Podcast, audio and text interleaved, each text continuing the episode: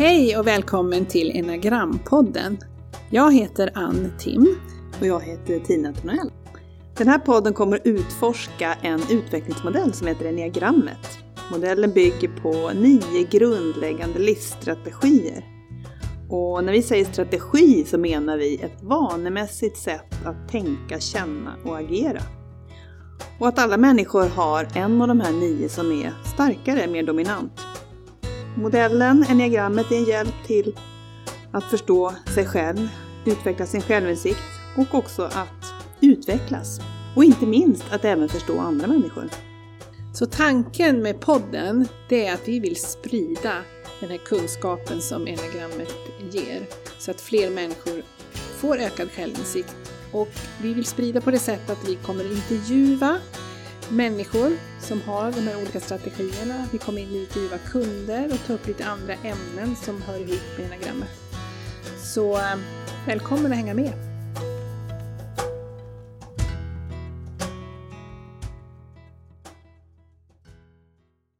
Det här poddavsnittet kommer att handla om den självbevarande instinkten.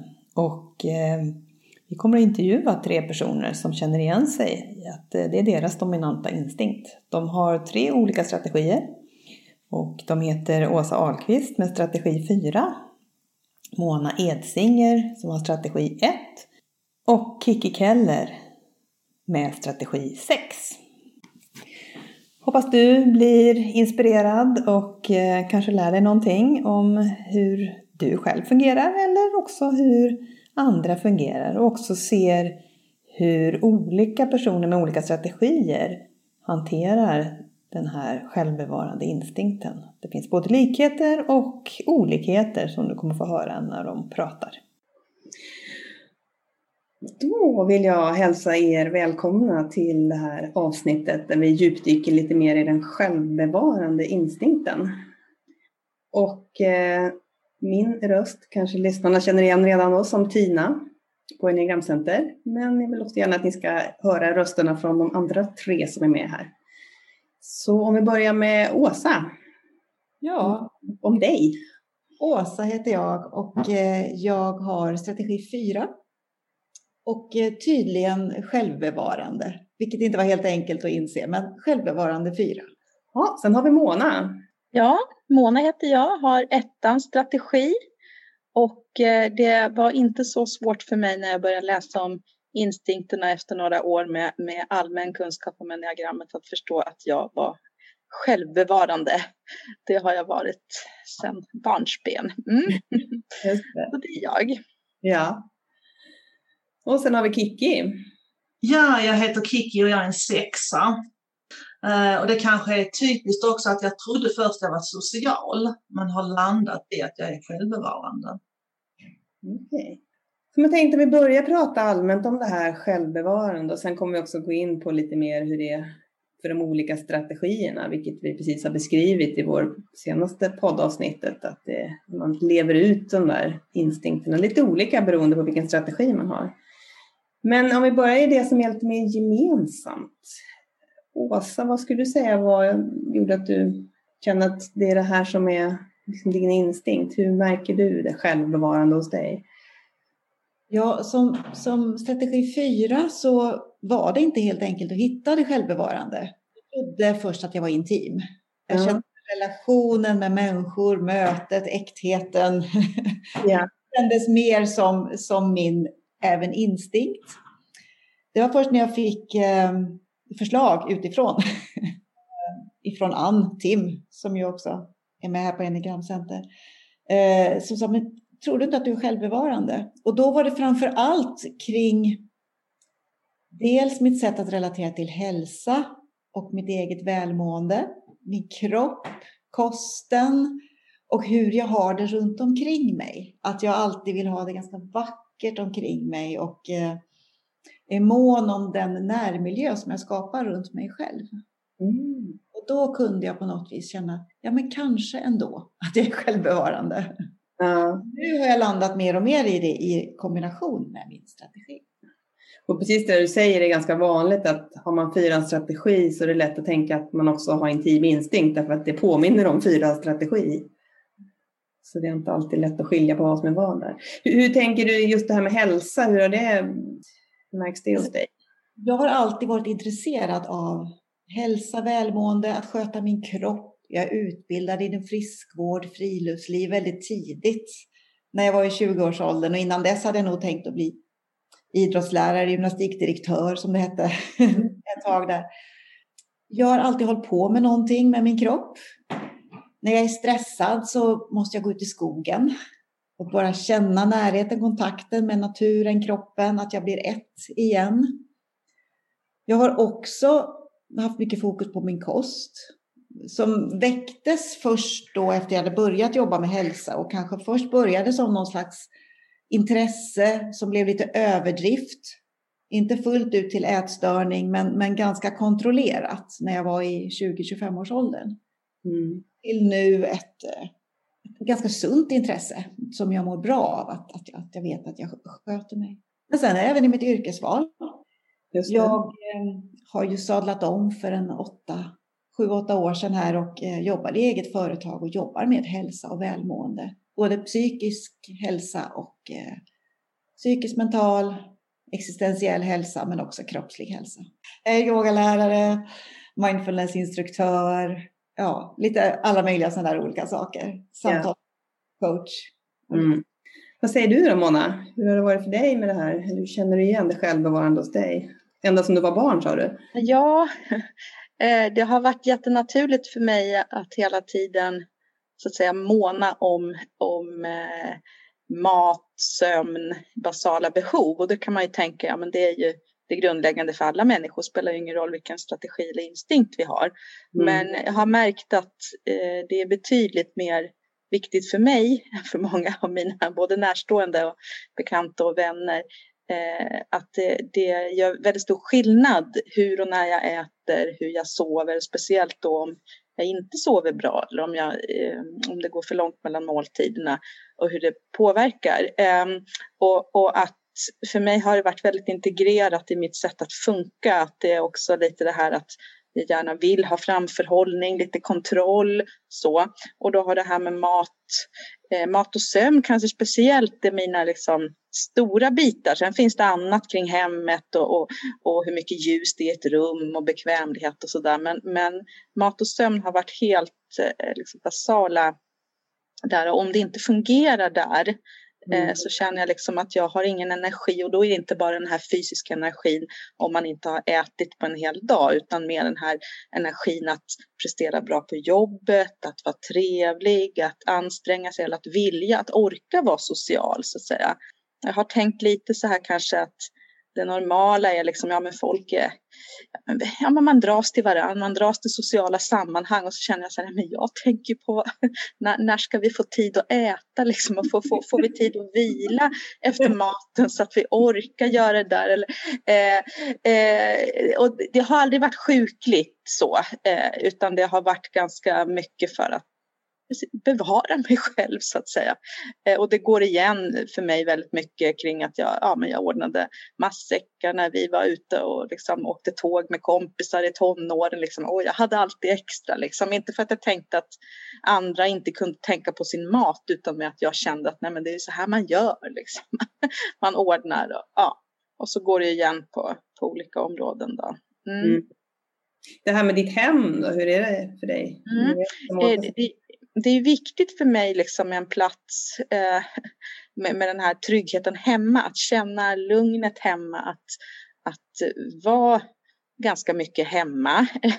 Eh, inte bara i dessa coronatider, alltså det, vi påverkas ju alla av det, men jag, jag har inget problem att vara hemma. Nu har jag en mild då att min man och jag har tre barn mellan 15 och 8 år, så det är ju inte så att det är liksom frid och fröjd och, och, bara lugn hela tiden. Men, men det mm. finns någonting av det här och det har jag haft med mig genom hela livet, även liksom som ungvuxen eller singel och utan barn. Så att, att det här lugnet hemma. Sen är inte det för mig att, att jag inreder, att jag pysslar. Jag tar hellre tillvara på på liksom att, att kunna vila, att kunna slappna av på ett sätt. Jag, mm. jag orkar inte dra igång projekt. För mig blir det ett projekt att, så att säga, nu ska jag göra det fint här. Sen vill jag ha lite, jag vill ha lite ordning och sådär, men det är praktikaliteterna står mer i fokus än, än det vackra så att säga. Sen uppskattar jag jättemycket vackra miljöer men, men hur, jag, hur jag fixar så lägger jag inte krutet på det. Liksom.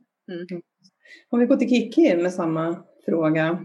Ja, alltså det som fick mig att eh, då växla från att tro att jag var social, det var just hur viktigt mitt hem är för mig. Att det är liksom basen för allting. Och att jag hela tiden måste tillbaks hem och vila upp. Och det absolut bästa efter en resa, det är att komma hem och få sova i sin egen säng alltså. Hej, oh vad jag är lycklig den natten. Det är sådana grejer. Och sen att jag upptäckte också hur mycket jag håller på hemma och tänker ut hur jag ska hitta praktiska lösningar så att det blir verkligen eh, bekvämt och, och allting flyter till. Det kan vara små detaljer om hur jag ska ha sakerna i köksskåpen till exempel. Så att det är lätt att ta fram och lätt att... Jag trodde ju ett tag att mycket av det här med att jag alltid har reservmat och sånt. Där tänkte jag att ja, men det är bara sexans säkerhetstänk. Men det är inte bara det. Mm. Utan det är också det här att jag har det jag behöver. Vi pratar lite om olika områden. Nu pratar vi lite om välmående och mat och att vara praktisk är ju ett annat område. Alltså att vara lite händig och fixig och sådär. Känner ni igen det också? Får ni svara vem som vill. Jag kan börja. Jag vet inte, jag, jag känner mig inte så praktisk. jag är inte opraktisk, men jag, jag, lever sedan 25 år tillsammans med en självbevarande man med strategi 6. Den är liksom upptagen i vår familj.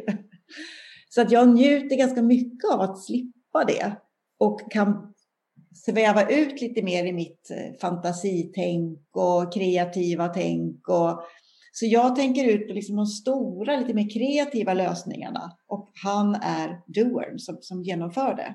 Så att jag är mer på det mentala planet tänker. Och det hade nog sett annorlunda ut om vi inte hade levt med honom. Då hade jag ja. Det låter som att han tänker in den delen av ditt självbevarande behov. Han, tänk, han tänker in ja. det mycket. Det var så att min mamma reagerade när vi träffades och sa, Oj, gud, hur ska du stå ut med det här Åsa? det var upptaget så många av de där rollerna. Nu bara njuter jag. ja, vad bra. Jag känner igen väldigt mycket av det. Eh, innan jag gifte mig så var jag väldigt praktisk. Då kunde jag tapetsera, då kunde jag byta däck, då kunde jag göra liksom massa grejer. Men efter att jag gifte mig så han får liksom göra det. Men jag står just för planeringen och tänker ut vad det är vi behöver göra och så vidare. Eh, så att jag kanske inte alltid gör alla grejerna. Eh, men jag är verkligen med och, och hittar liksom fram de där praktiska lösningarna. Vad säger du Mona, hur ser det ut hemma ja, hos dig? Jo, jo, men jag är också gift med en handyman kan jag säga som är handling när det gäller. Han är mer, han är mer skolad i sin familjekultur med, med att fixa och snickra och måla än vad jag blev van vid i, i min familj. Men jag har min liksom, starka sida i det här med det praktiska med med mat, fix, mm. alltså vi kan göra allting tillsammans men det, det, det är väldigt mycket att liksom jag sitter inte och tänker på åh, hur blir det nu, vilken design ska vi köpa till barnens regnkläder? Utan det är väldigt mycket liksom, har vi det, vad har vi i lådorna, nu? Går vi igenom, eh, ja men att planera och hinna med och, och gå från gå från ord till handling. Men det är också, det är ganska mycket att det är ettans eh, doer liksom i det att man är en handlingsmänniska. Så för mig är det lite svårt ibland att veta vad som är vad och det kanske inte är det viktiga heller. Men, men ordning och reda och att, att det blir praktik liksom av att vi sitter inte bara och pratar om att nu vore det bra att göra så här utan det är liksom nu, nu ska det göras. Ja, och prioritera och har vi tid, har vi tillräckligt med tid för att det ska hinnas med och så absolut, det finns en stark praktisk gen, men eh, mm. tar sig lite olika uttryck. Vad händer om ni inte får det här behovet tillfredsställt? Så behov, behovet av att eh, få... Självbevarande, någonting gör att det, det, något annat behöver prioriteras. Det skapar ju lätt, för mig i alla fall, en, en obalans. En, en, en tyvärr, för omgivningen kan det bli lite, lite för tydligt ibland då, att jag, jag kommer i, i någon slags obalans för att jag inte riktigt medveten själv om att jag skulle behöva äta, jag skulle behöva en vilopaus.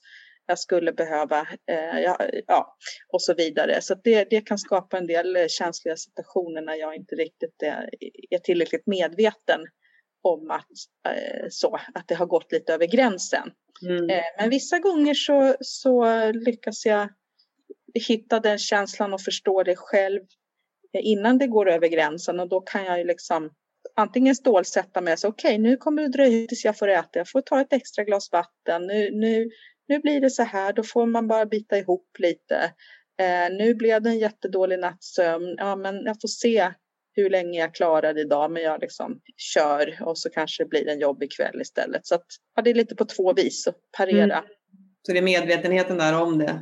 Ja, som inte alltid finns. Eh, mm. För, för mig så tar de här begränsningarna sig två huvudsakliga eh, uttryck och det är om jag inte får röra på min kropp. Eh, får jag inte röra på min kropp och känna att jag är i min kropp och att jag är kropp så blir jag väldigt rastlös och jag, jag får liksom ont i kroppen. Jag kan inte sitta still, jag sitter med benen i kors på stolen, jag ställer mig upp, jag liksom... Åh, och så blir det ingen rast emellan då så att jag kan liksom åh, sträcka ut kroppen eller ta en promenad eller göra en bakåtböjning med ryggen. Då, ja, då blir jag mer och mer frustrerad och känner mig ganska inlåst i mig själv. Mm. Det, det, är en grej med kroppen och det andra som jag tänkte på det är rummet. Alltså det rummet som jag befinner i, den fysiska miljön om jag, kommer, om, jag, om jag sitter fel, om det är fel, om vi ska äta en jättegod middag och så sitter jag med ett lysrör i ögonen liksom någonstans i ett kök. Så där, så, men varför släcker du inte lysröret? jag kan inte njuta av maten riktigt. Eller jag, jag har beställt en, en, plats på ett tåg och så får jag inte den platsen utan jag får sitta liksom någonstans mitt i en gång där det inte känns, där jag kan, hade tänkt, att det inte blev som jag hade tänkt mig. Liksom. Då, då kan det ta alldeles för mycket energi från mig. Jag, har lite, jag får jobba med att släppa det. Eller mm. på en restaurang med ett stort sällskap och så får jag sitta närmast köket. Och någon annan kanske inte hade brytt sig om det, men för mig tar det väldigt mycket energi. Och att konstatera att släpp det, släpp det, koncentrera dig på maten, koncentrera dig på sällskapet. Men det stör mig väldigt mycket. Ja. Jag har förstått att det inte riktigt stör andra människor. Jag tänker på det. För mig så, så stör det mig när om vi till exempel, vi håller på med en del renoveringsprojekt här hemma nu under den här pandemin. Och det stör mig liksom när det drar ut på tiden och det är svårt att hitta de där perfekta praktiska grejerna och, och så vidare. Då blir jag irriterad liksom, för jag har min tidsplanering som jag tänker, det här tar si och så mycket tid och det här ska vi göra i den här ordningen och de här och de här sakerna eh, behöver vi. Och så när man inte får tag på de grejerna kanske. I, ibland så tänker jag alltså jag skulle kunna utveckla så mycket praktiska prylar, jag vet precis vad det är man skulle behöva, hur det skulle funka mycket bättre. Men jag hittar det inte ute på marknaden. Uh, där, där märker jag det väl. Uh, så, och det stör mig jättemycket uh, när det är fult hemma eller när det är liksom, det ska passa ihop. Det är väldigt viktigt. Då kan jag då inte hitta de där grejerna som, som matchar och passar. Eh, då stör det mig. Så att jag kan lägga rätt mycket tid på att leta efter grejer. Mm. Jag vet i mitt huvud precis vad det är jag är ute efter. Jag tänker, ni har nämnt corona några av er. Hur, hur märker ni att, jag tänkt på det, hur ni har reagerat utifrån er självbevarande instinkt under den här perioden? Jag har känt en stor tacksamhet att jag har den självbevarande. Mm. För jag har ju pratat med andra som också kan enneagrammet som då har andra instinkter. Eh, och, och, jag tänker så, åh vad skönt att jag trivs att vara hemma. Vilken befrielse att jag behöver inte känna mig kanske lika begränsad. Att nu kan jag inte vara med i de och de sociala sammanhangen eller nu kan jag inte vara så nära människor. Uh, och så vidare. Så att för mig har det nästan blivit som att ja, men nu får jag lov att ta en paus från allting. Mm. Och så kan vi göra, liksom, kan vi verkligen gotta oss här hemma och göra de här grejerna som vi annars inte hinner. Uh, det har väl varit den enda uh, fördelen för att jag ser ju alla nackdelar också. Uh, men, men, vi har ju fått gjort projekt som, all, som jag har velat i åravis men vi har inte liksom haft tid till. Och ni har ju verkligen isolerat er också, eller hur? Ja, det har vi. Jag och min man, eftersom vi båda tillhör flera riskgrupper, så har vi varit isolerade nu i tio månader sedan i februari. Så att eh, snart har jag mitt drömhem, om man säger så. Rent praktiskt och allting för att alltså nu har man rensat i alla skåp och nu håller vi på att göra om ett rum som var vår sons sovrum och barnens rum tidigare. Nu blir det liksom den där matsalen så att vi kan verkligen ha familj. Mm. Utan att behöva möblera om. För det är också det, och det tror jag har med det självbevarande, det är så jobbigt om man ska ändra om för att det ska bli det här eh, praktiska när man ska träffa. Mm. Mm. Att man vill att det ska finnas där hela tiden. Ja, precis. Så att för oss har det blivit en liten sån förberedelseperiod för att sen kunna vara mer sociala mm. och öppna upp liksom. Eh, så har vi liksom donat och fixat och gjort det och förberett för det. Vad säger ni andra? Jag har väl, eh, även om det skiljer sig åt från, från dig Kiki så är det ju lite av samma grundkänsla att det, även om det är kaos i världen och det är tragiskt med alla konsekvenser det får både för lidande och ekonomiska konsekvenser för alla som förlorar jobbet och så där så, så, så är det ju någonting av det här att trivs man hemma, trivs man med sig själv så är det på något sätt lite lättare än att mm. hela tiden känna det där liksom men när får vi umgås i stora sammanhang? Sen längtar jag jättemycket efter att det ska bli mer normalt.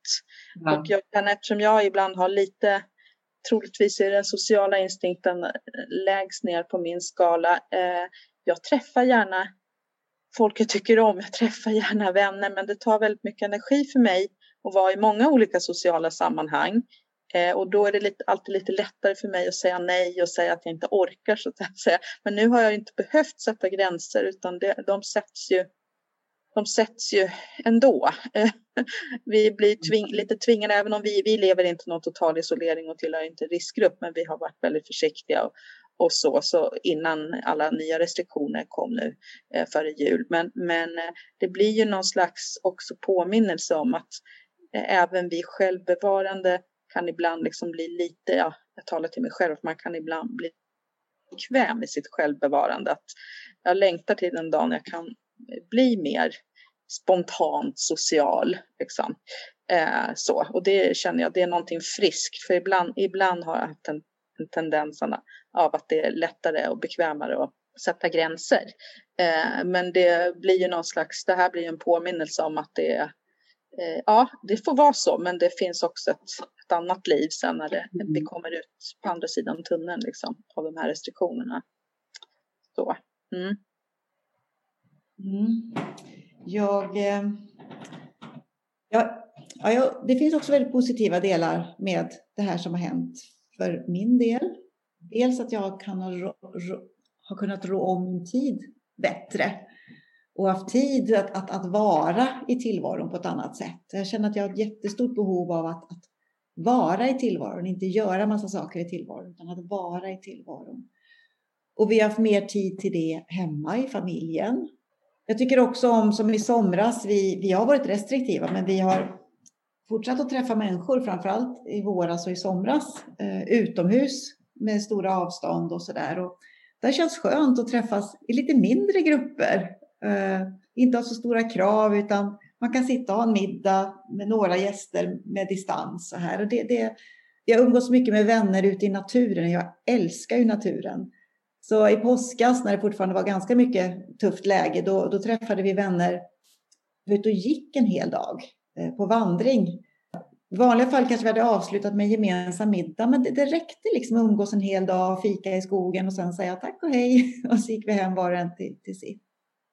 Så det, det, har gett mig en, en, jag har lätt att pressa in lite för mycket. Så att eh, det har gett mig en, en skönare rytm. Sen har jag inte alls varit speciellt isolerad. Jag har hela tiden jobbat som yogalärare utomhus hela sommaren, från första april till första september, mycket utomhus. Och övriga tider med väldigt begränsade, ja, med restriktioner med väldigt få deltagare. Och jag, nu den här hösten har jag också jobbat på ett boende för hemlösa unga killar. Och där är det, det är lite stressande. Det är svårt att hålla avstånden. Det är svårt att göra det coronasäkert. Samtidigt som det är, det är en väldigt utsatt grupp i samhället. Mm. Så där gäller det att hitta en, en klok balansgång i det. Mm, så att eh, där får jag brottas lite med mig själv hur jag ska hantera det. Mm. Och att det inte är en sån miljö som jag hade önskat. Jag ser praktiskt vad vi skulle kunna göra rent fysiskt för att skapa distanseringen och öka trivseln. Eh, rent fysiskt, eh, miljömässigt. Men vi har inte riktigt tiden, resurserna, eh, utrymmet att, gö att göra det på. Så att, därför jag jobbar mycket med mig själv att acceptera läget som det är. Att det är fult uh, runt omkring mig, att det inte är snyggt. Ja. Att, ja, att, vi inte, att, jag, att jag inte kan påverka riktigt så mycket som jag skulle vilja göra. En, en bild jag har fått ändå det är att de människor jag träffat som har självbevarande, att man är också lite bättre på att ta reglerna på allvar och inte fuska. Eh, att liksom ta sitt ansvar. Kan ni säga att det finns människor runt omkring er som har varit mera flexibla med hur de hanterar det? Absolut. Ja. Och där kan man väl tänka att det är väl en kombination av ålder, strategi, instinkt och, och säga hur nära man kommer att man ser allvaret i det här. Ehm, mm. Um, så det är lite svårt, där känner man att det är lite svårt att veta vad som är hönan och ägget så att säga. Men det här när man inte riktigt eh, klarar av att slå sig till ro, att det här är ändå en begränsad period i livet. Det kommer inte vara så här för alltid. Eh, tänker det kan vara lättare och då kan det vara lättare att acceptera det här även om man är, är väldigt social eller eller så. Eh, det, det, mest tragiska är ju alla som är ensamma eller ensamhushåll, mm. eh, tänker jag. Men, men eh, självklart ser man ju, det, det räcker ju eh, tänka lite och se lite vad som försiggår eh, så. Eh, man förstår att, att det inte är alla som har lika lätt att hålla sig mm. från, ut, ut på krogen eller så. Mm.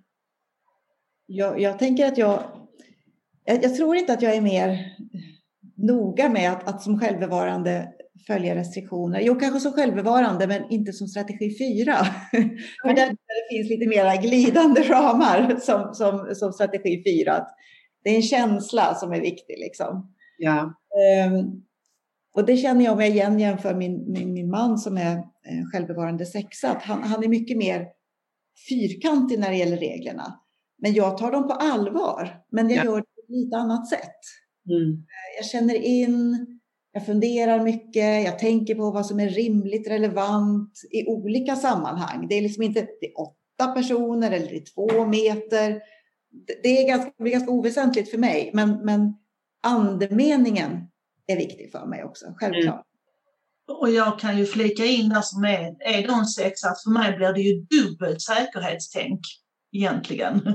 Så att säga, både det självbevarande och sen också sexan som har det här med säkerhet och trygghet som någonting väldigt centralt. Uh, så att uh, vissa ska nog vara glada att det inte är jag som har satt reglerna, så att säga. Hur hade de varit då? Det hade varit fyra meter, inte två meter. Okay. Dubbla munskydd? Nej, kanske inte dubbla, men gärna den här nummer tre som är liksom med ventil och inte släpper in någonting och sådär. Så, nej, skämt åsido. Men, men uh, jag, jag vet ju med mig att jag liksom har det dubbelt här. Uh, så att jag kan jobba med att inte gå igång på om någon, för jag menar, vi, även om jag har varit i isolering så har man varit ute och promenerat och man har liksom och hållit avstånd och så. Och, och, där har jag fått jobba med att kunna släppa när någon då inte tänker på hur nära de kommer så finns det en jättebred gångbana om vi möts. Varför ska de komma så nära mig när det finns så mycket plats ungefär? Mm. Och, och, då tänker jag, ja, ja men det är mitt ansvar eh, att ta hand om mig själv. Alltså jag får väl gå åt sidan, jag får väl plötsligt bli väldigt intresserad av en buske och titta på den eller vända mig åt sidan eller någonting då om det blir för nära. Mm. Men tyvärr har jag ju sagt några icke så välvalda ord ibland. Så. Mm, det har jag nog gjort. Kommenterat liksom. Mm. Om man fördjupar sig bara lite till i era strategier och just den här, vi pratade i, i poddavsnittet om den här destruktiva kraften och kombination med instinkten. Om vi börjar med Åsa. Har du funderat på det? Det är ju avund för fyran där då. Avund i det självbevarande. Precis. Eh, jag har inte funderat så mycket på det förrän jag får frågan nu. Eh, och jag har hela tiden känt att jag inte känner riktigt igen mig i det där med avund i den destruktiva kraften. Men kanske jämförelse. Bra, precis jag tänkte säga att det kan ju också vara en känsla av jämförelse ändå. Kanske med att jag känner mig lite mer igen mig i jämförelsen. Ja. Um, och, och, när jag tänker på då det jag lyft förut, den här hälsoaspekten och livsstilsaspekten. Där kan det här jämförandet kanske leda också till inspiration. Mm. Det är inte bara att ja, men den gör så. Det skulle jag också vilja göra. så att inte utan mer att, ja, men jag, jag kan titta och jämföra liksom och se att jaha, men den gör, gör så, den är så, gör så mycket så. Jaha, men skulle det funka i mitt liv? Så, där, mm. så att det finns en jämförelse i det. Eh, likadant med den fysiska miljön och runt omkring. Att jag kan ofta titta och få inspiration och, och tycka att jag har gjort fint hemma, men så kommer jag hem till någon annan och ska säga att de hade gjort så, men det var ju ännu finare. då är jag inte nöjd med det jag har gjort, utan då ska jag hem och göra om lite. Så. Och för mig är alltid känslan vägledande, så jag kan liksom inte tänka mig till hur det blir snyggt eller bra, utan jag måste känna hur det blev. Liksom. Mm. Jag kan ju köpa fel saker, för jag vet ju inte hur det känns när det väl är på plats, liksom, eller det jag ska ha skapat. Liksom. Men, men däremot avunden, när du, när, jag ändå, när du nämnde avund så faktiskt när det gäller de här miljögrejerna, som på restaurang, men sitter ett stort gäng runt ett bord, då kan jag nästan liksom känna mig som så här, om jag hamnar på en kant av ett bord eller någonting sånt där. Känner mig nästan lite avundsjuk på de där som fick sitta mycket bättre och ha en bättre utsikt. Eller? så att ja, men det finns ju någonting i det jämförandet och att, att jag, jag vet vad jag är i relation till andra människor. Det är helt klart. Just det. Om du har mindre än eller mer än eller Precis. gradering. Ja, vad säger du Mona? Om, eh, strategi, om ettans... Eh, ja, precis. Ja. ettans vrede. Vi pratade ju lite grann innan. Ja, nej men det är ju någon slags ehm, eh, kroppslig eh, förnimmelse liksom det här då att vreden undertryckt eller irritation eller det här att, mm. att det kommer i uttryck i eh, situationer och, och, absolut för mig är det ju troligtvis så att det är väldigt kopplat till, till det här med, med de grundläggande behoven. Alltså jag har nämnt det här med, med mm. mat och sömn och tillräcklig vila och ork eh, i kroppen, mycket i kroppen men också mentalt. Eh, och eh, Eh, värme, som kroppstemperatur är jätteviktigt för mig. Alltså är det för varmt eller kallt, speciellt om det är för varmt. Liksom jag, jag bara fungerar inte och det blir ju väldigt så här bara, prata inte ett ord med mig innan jag får ta mig jackan eller strumporna eller liksom det, det går inte eller jag måste ta ett dopp eller när, när, när det blir någon högsommarvärme som är helt fantastisk på ett sätt så, så blir det ju outhärdligt om det inte går att reglera för mig. Och det absolut kopplar det till den här äh, vreden som då poppar upp på olika sätt.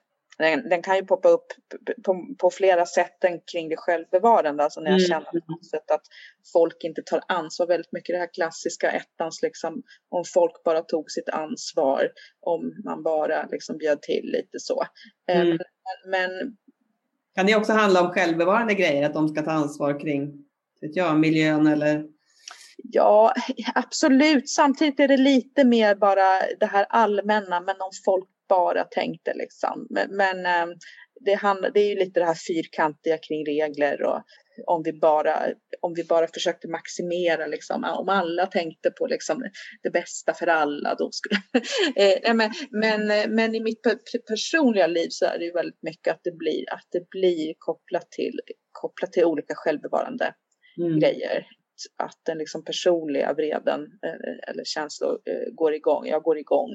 Vad säger du Kiki? Ja, eh, det här destruktiva hos sexan då med ångest och rädsla och ängslan och allt det, det händer ju i huvudet. Ja. Eh, främst. Eh, och kopplat då till eh, den självbevarande instinkten så blir det ju mycket då att planera för så att man har alla de här bekvämligheterna. Att man kan känna sig trygg med att veta att ja, men jag har mat, jag har någonstans att bo, jag är inte sjuk och så vidare. Så att den kombinationen har ju innan så var jag en, en lite grann av en prepper om, om någon mm. vet vad det är. Så ja. menar, jag har ju haft ett matförråd i flera år, ända sedan 1999 då man inte visste hur det skulle gå liksom. Jaha. Vid millennieskiftet, då lärde jag mig så då skaffade vi ju så att vi kunde värma upp huset utan el. Och, det här med toapapper, det har du redan haft ett förråd av? Ja, jag har inte köpt toapapper alls på de här tio månaderna. Det hade jag redan innan. Det var liksom inte något. uh, och så. Uh, men inåt i mig så kan det ju då bli den här oron om någonting händer med min ekonomi. Det är oftast det det handlar om. Mm. Så att jag inte kan skaffa mig alla de här sakerna.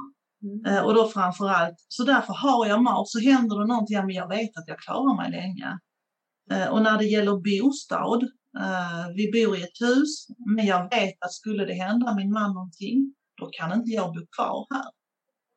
Det har jag inte mm. råd till. Och han är 20 år äldre än mig.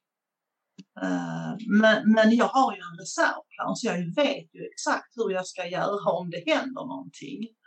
Eh, och då kan jag känna mig trygg för att jag har liksom tänkt ut de här sakerna. Och sen när det gäller kroppen då, och så mina rädslor, det är ju, tänk om jag får en sån här livshotande sjukdom som cancer eller det plötsligt händer att jag får en, en hjärtinfarkt eller något sånt. Så, så jag eh, håller ju också mycket på med hälsa. Mm. Eh, och, försöker liksom, ja men om jag lever så här och, och, och lägger ju då ner ganska mycket pengar på min hälsa faktiskt. Eh, för att försöka förhindra om det går för att må så bra som möjligt och veta att jag har gjort liksom det jag har haft förstånd till.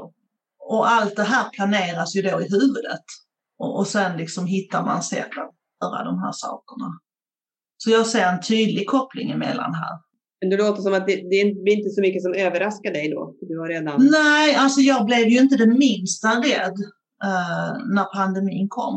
Mm egen del. Alltså sen, sen oron över att liksom, vad ska hända med andra människor och hur drabbas andra och omsorgen om andra, den finns där. Men, men för min egen del, nej men jag, jag gör det och det och det för att hålla mig så trygg som möjligt. Mm. Vidare får väl bita mig i tungan ibland så att barnen får lov att göra vad de vill utan att jag lägger mig i och tycker någonting. Hur eh, känner ni att det är någonting ni vill tillägga så där, som jag inte har frågat om?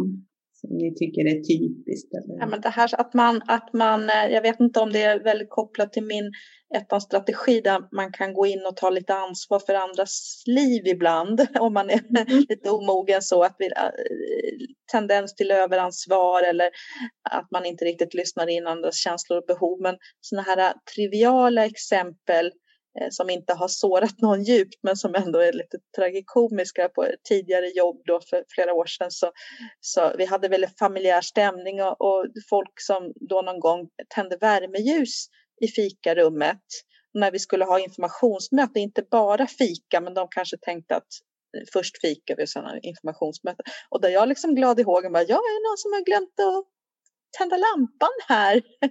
Vi kan inte fika när det är så här. Liksom. Det är novembermörkt och på något sätt man kämpar för att klara av att jobba och behöva ljus. Och det för mig då är helt, det är helt naturligt att det, det är liksom, vi behöver ljus. Om man ska ha mysbelysning, ja, men det kan man ha på middagen. Då måste man ha rejält många levande ljus. Liksom. Men sen förstod jag liksom efter två gånger att ett, jag ska fråga den som är ansvarig för det här myset, liksom, är det tänkt så här? Och sen kan jag mm. fråga lite försiktigt, kan vi tända lampan till fikat? Och så behöver jag inte gå in och göra det. Liksom. Men, men det är en sån här, ja, för mig är det helt logiskt så. Mm. Vi behöver ljus för att orka sitta här. och det är helt självklart för dig? Ja. ja. Och de ville mysa? Ja. Tar ni hand om andras alltså, självbevarande behov förutom familjen? Kan det Ja, jag kan... jobbar man med hälsa som... Precis som jag och Kiki gör. Ja, och tänker också Mona, du jobbar ju också med att människor ska må bättre. Mm. Absolut. Jo, men jag tänker ju väldigt mycket på, på människors gränser och hälsa och så här. Jobbar folk för mycket? Äter de inte lunch? Alltså det, det är ju kopplat till kollegor och arbetsmiljö också.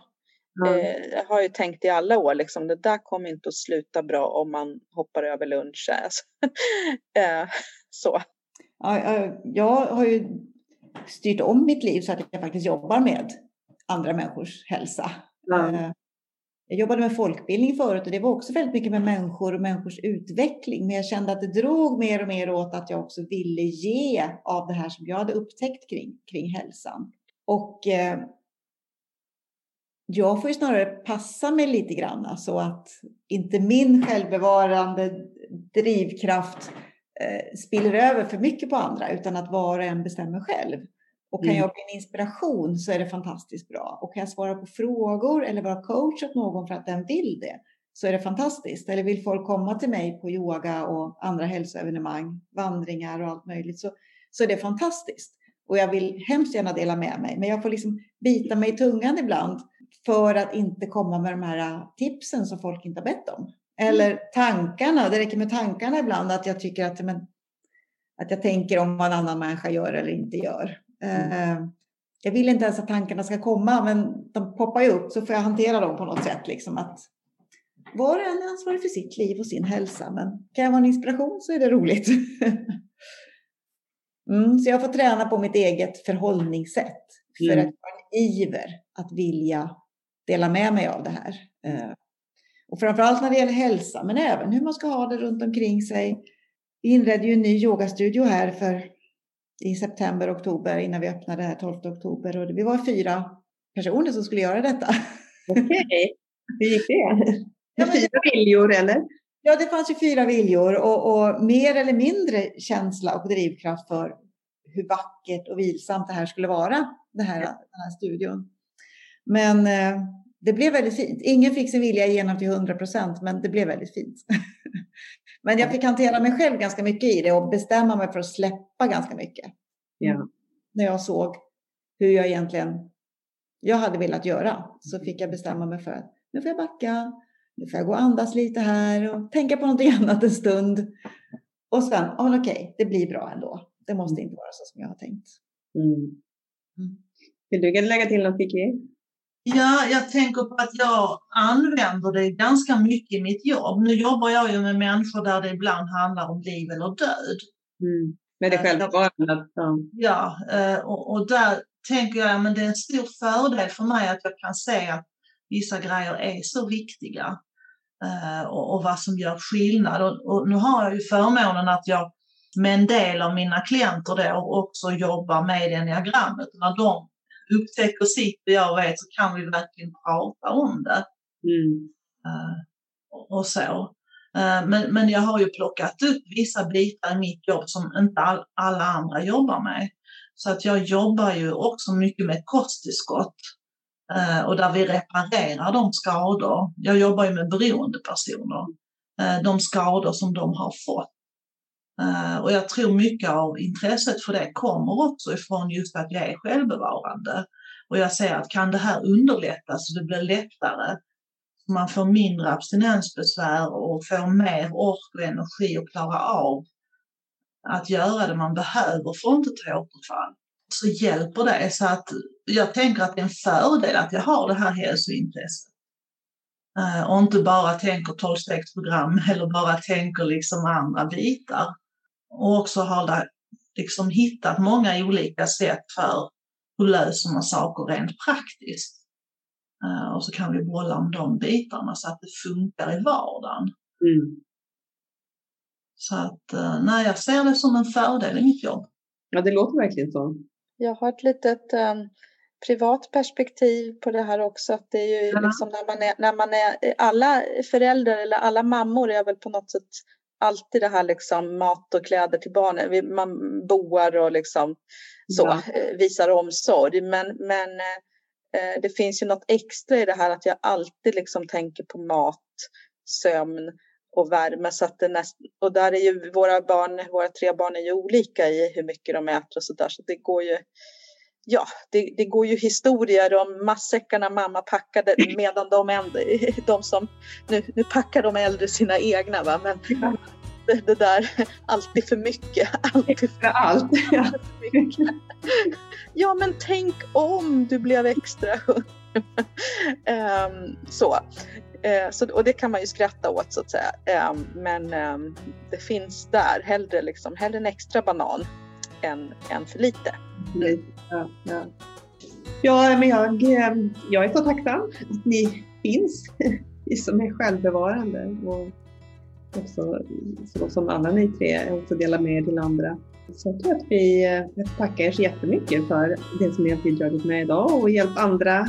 Jag är säker ni kommer hjälpa de som lyssnar med att förstå mer av den här självbevarande instinkten och, och förhoppningsvis en del som känner igen sig att aha, just att de här instinkterna känns ofta så självklart som man kanske inte ens har tänkt på det. Men när de hör er berätta så tror jag en del kan känna igen att det där känns självklart för dem eller känns helt främmande.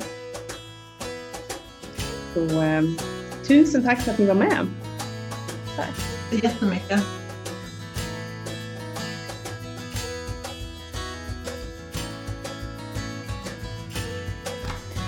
Vi har ju också utlovat veckans kändisspaning och eh, den här veckan så eh, tänkte jag att jag skulle ta upp Jakob Hellman som har kommit ut med en ny skiva efter, tror jag, 30 år sedan hans första skiva som ju blev en fantastisk succé. Bland annat vald till den bästa popskivan någonsin tror jag i något sammanhang.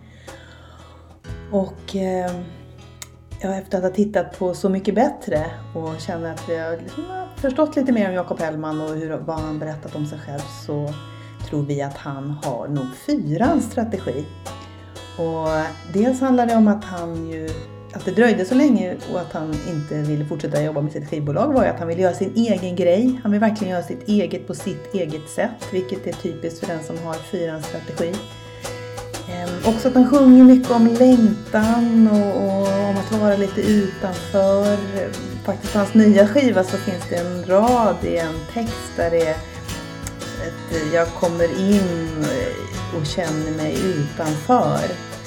Eh, och, och det är ganska typiskt liksom för fyrans strategi att man har väldigt svårt att känna tillhörighet i olika sammanhang och väldigt lätt att känna att man kommer in någonstans och känner sig utanför.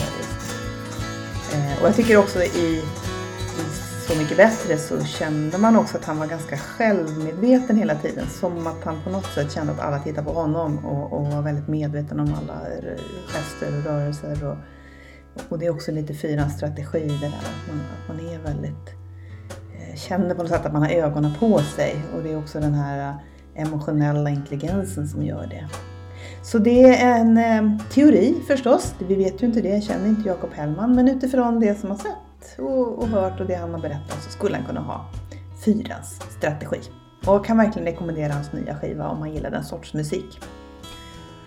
Och vill du lära dig mer om instinkterna, fyran eller ja, enneagrammet överhuvudtaget så är du varmt välkommen att titta på vårt kalendarium på vår hemsida enneagramcenter.se. Där kan du se när vi har öppna föreläsningar, workshops och kurser för dig som vill är intresserad av att utbilda dig. Så eh, gå in på vår hemsida eller kontakta oss på info.enneagramcenter.se. Och den närmaste öppna föreläsningen, om du lyssnar nu i närtid, så har vi en öppen föreläsning den 10 februari på kvällen. Men se på kalendariet så hittar du alla uppgifter där. Ha det gott! Hej då!